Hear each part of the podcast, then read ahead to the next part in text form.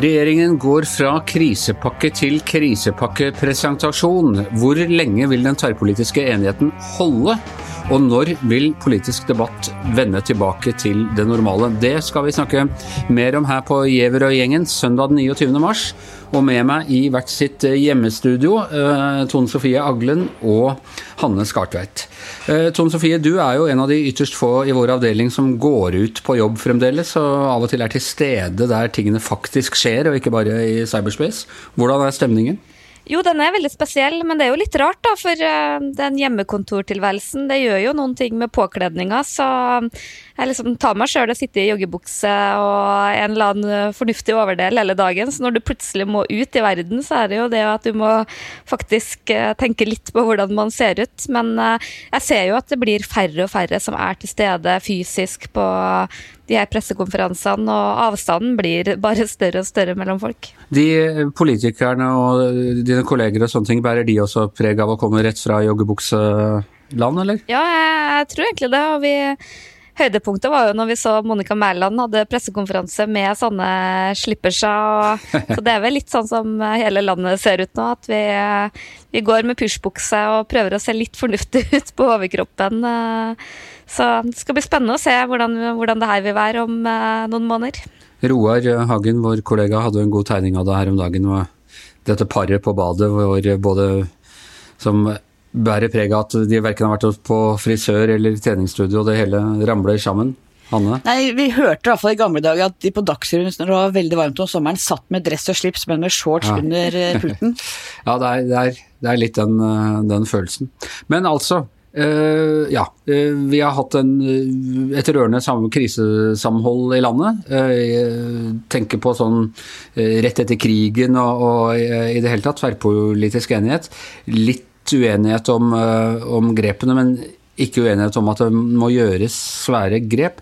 Hvor lenge tror du det vil vare, Tone Sofie? Når, når blir den politiske debatten den samme gamle ikke-konstruktiv igjen? Nei, Det er litt vanskelig å si. Jeg syns det er liksom tydelig nå at når det gjelder um, de her smittetiltakene, der er det overhodet ingen debatt. Det var vel litt sånn der forsøk på Frp å slå litt politisk mynt på det her hytteforbudet, men jeg syns kanskje at de rodde seg litt inn, og der er det en enighet.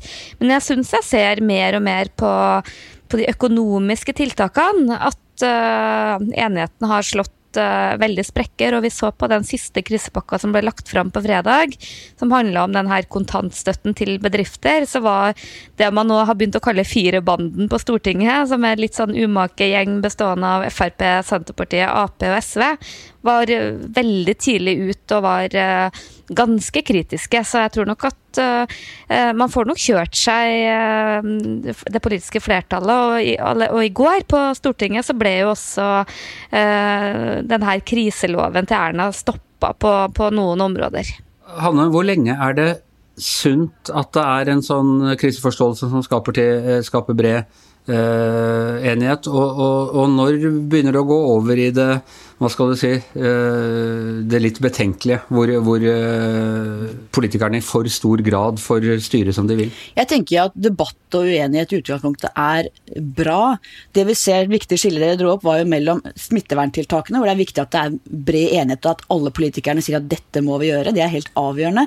Men i krisetiltakene, da er vi på en måte tilbake på den hva skal si, klassiske politikken med, de store skillelinjene som går f.eks. på skattelette, eh, fordelingspolitikken, der tror jeg vi ser ganske kjapt, og har allerede sett en del av de klassiske politiske skillelinjene i norsk politikk og internasjonal politikk, nemlig økonomien, hvem skal bære byrdene, eh, skatt, den type ting.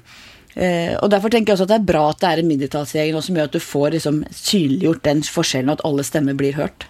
Hva tenker du om det, Tone Sofie? Det, eh, kan krisestemningen hemme den politiske debatten? Ja, det tror jeg. Ja. Eh, og det ser vi også på også som handler om smittetiltak. Og jeg liker veldig godt den holdninga til eh, Camilla Stoltenberg og Folkehelseinstituttet, som sier at det er viktig å kunne debattere og ha faglig uenighet om, eh, om tiltakene, men det betyr ikke at man eh, ikke eh, følger det, følger det som er råd. Det er to vidt forskjellige ting, og at det er sunt med den faglige uenigheten. Um, og jeg syns også det politiske var kanskje sånn helt i starten at det var en sånn enighet, men nå syns jeg at det er en um, ganske stor tendens til at politikerne flagger sine standpunkt. Og det vi også ser, at opposisjonen naturlig nok også er mye mer utålmodig. For regjeringa er jo opptatt av liksom sin sånn tretrinnsrakett som de snakker hele tida om. At først kommer de med inntektssikring og, og, det å sørge for likviditet, at folk ikke går konkurs. Og nå presenterer de um, de tiltakene for, å, for, at folk skal få kompensert uh, tapene. Og, og, i tredje runde da, så er de opptatt av at eh, man skal liksom få hjulene i gang igjen og liksom begynne med sånn eh, krisearbeid, om vi kan kalle det det. Og det, det så vi allerede på fredag at opposisjonen var ute og mente at det skulle skje nå. Litt som under finanskrisa, hvor man eh, begynte å pusse opp skoler og bygge ting, og Vedum vil ha bredbånd til distriktene og alt det der. Så så jeg syns at det er en politisk debatt, men jeg er også litt spent på når vi får politikk også på andre områder enn akkurat korona og krise. For det er jo fullstendig dominerende, og det er ikke veldig mye rom for så mye annet akkurat nå. Jeg skvetter hver gang jeg får sånne push-varsler om, om, nyhetsgreier, og nå har det i to-tre uker bare vært korona. Når det plutselig kommer sånn knivstikking på Lillestrøm eller et eller annet sånt. Det er fælt å si det, jeg blir nesten litt glad, for det er noe sånn eh, normalt over at det ikke dreier seg om antall smittede eller døde eller noe sånt. Ja, det er jeg helt enig i. Jeg leste i dag i, i Vårt Land, fra gårsdagens Vårt Land, en sak om strid, den politiske striden om den nye trosloven. Og da tenkte jeg dette var også et ganske velkomment pustehull, faktisk.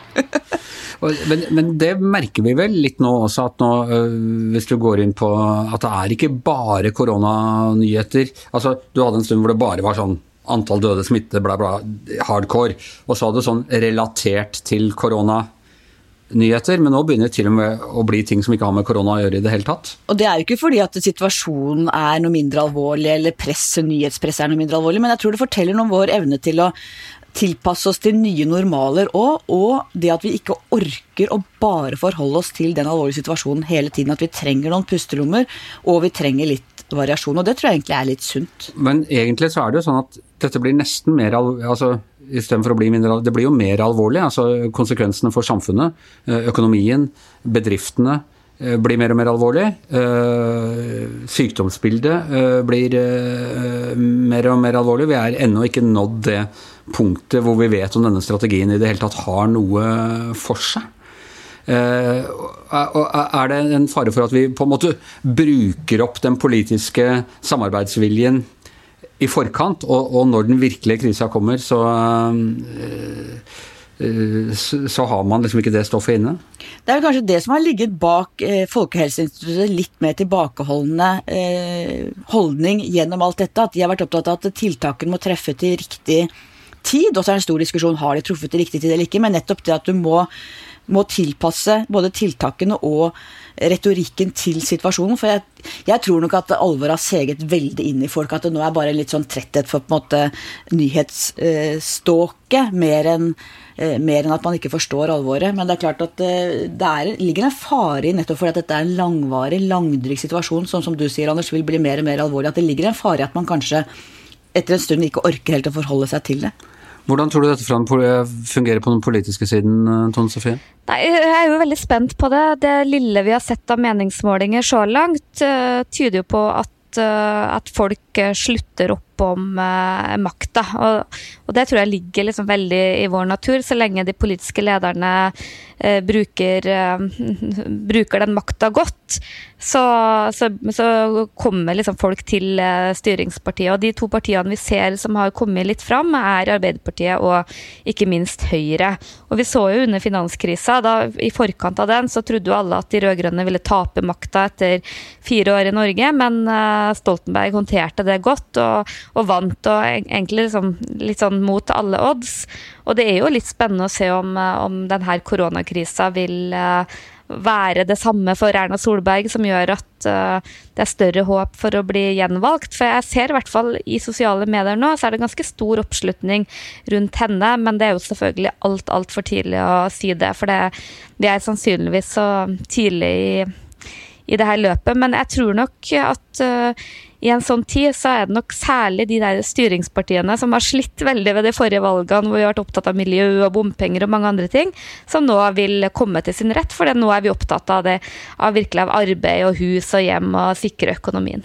Nå hadde vel eh, Jens Stoltenberg var litt, hvis man skal se kynisk på det, heldigere med timingen på finanskrisen, for den var da eh, et år eh, før valget. Her er det, nå er det halvannet år til. og uh, kan få en annen type slitasje kan sette inn nå. Når det har gått halvannet år, så fremstår kanskje ikke Erna i samme grad som redningskvinne, slik han, slik han gjorde. Eller hva tror du om det?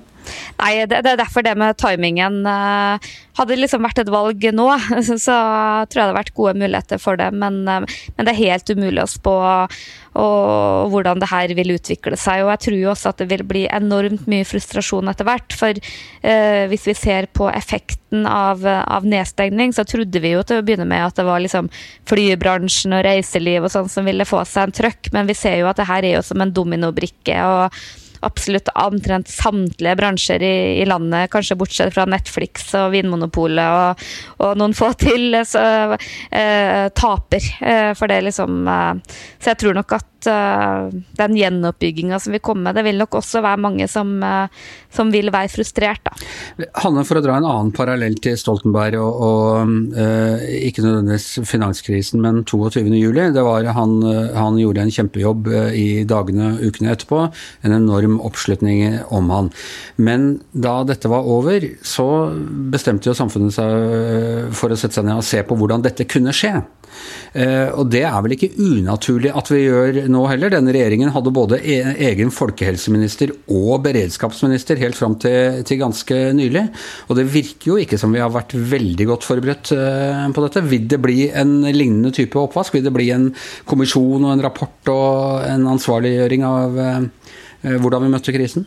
Ja, det må det bli. Det mener jeg er veldig viktig at skjer. og vi har jo skrevet på lederplass og andre steder at det er ikke tiden akkurat nå for å gå inn i den biten, det må vi gjøre når ting har lagt seg, men da må vi gå inn i hvorfor har det ikke vært nok smittevernutstyr, hvorfor har det ikke nok vært nok gledemidler? intensivsenger, alle disse tingene. Og vi vet jo at en global pandemi har ligget øverst i trusselbildet i mange, mange år, både internasjonalt og nasjonalt, når du leser også ved Direktoratet for sivilt beredskap og andres trusselvurderinger her i Norge. Så det at man ikke har vært forberedt, det er veldig rart. Og vi ser det gjelder jo i mange land. Men nå trekker mange fram Finland som det landet hvor de faktisk har hatt lagre med smittevernutstyr, legemidler, den type ting. Så den debatten må komme. Finland har litt mer tradisjon for å, for å leve på, på, randen. Når tror du at den debatten kan begynne å komme, Tone Sofie? Har du hørt eh, noe som helst i den retning, at politikerne snakker sånn under hånden om det? Jeg har ikke hørt den uh, i den politikken, nei. Jeg tror ikke det er så veldig mye rom for det. For nå tror jeg man kun uh, prøver å redde det som reddes kan. For den krisa brer så voldsomt uh, om seg fra, nærmest fra time til time. Men jeg tror nok at, at, det vil være veldig avhengig av hvordan det her utvikler seg. Jeg tror på en måte hvis viruset nå liksom slås mer tilbake og, og, det blir en veldig positiv utvikling, så jeg tror nok du vil få den kritikken av at man har gjort for mye og at uh, kostnaden ved å sette i gang alle de tiltakene vil være for stor.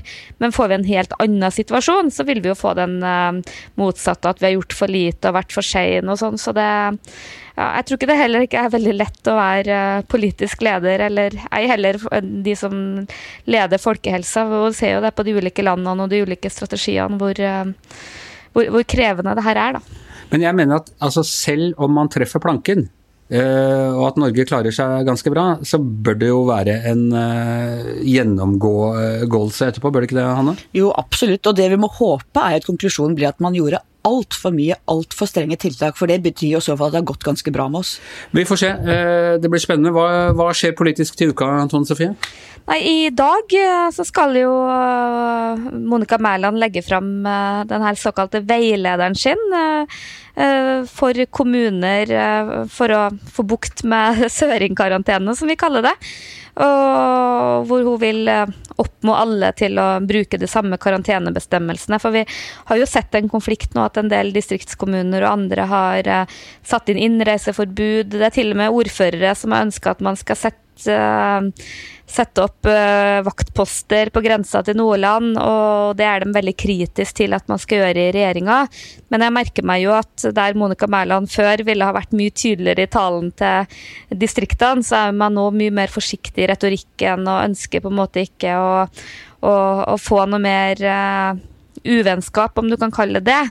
Så hun bruker liksom forsiktige ord og snakker om veileder og sånne ting. Og jeg vil tro at det er noe som vil få debatt. Ja, det får vi se til uka, da søndagens utgave av eh, Giæver og gjengen er over. I hvert sitt studio Tone Sofie Aglen, Hanne Skartvedt, Anders Giæver og vår produsent også i en krisetid, Magne Antonsen. Vi høres igjen i morgen.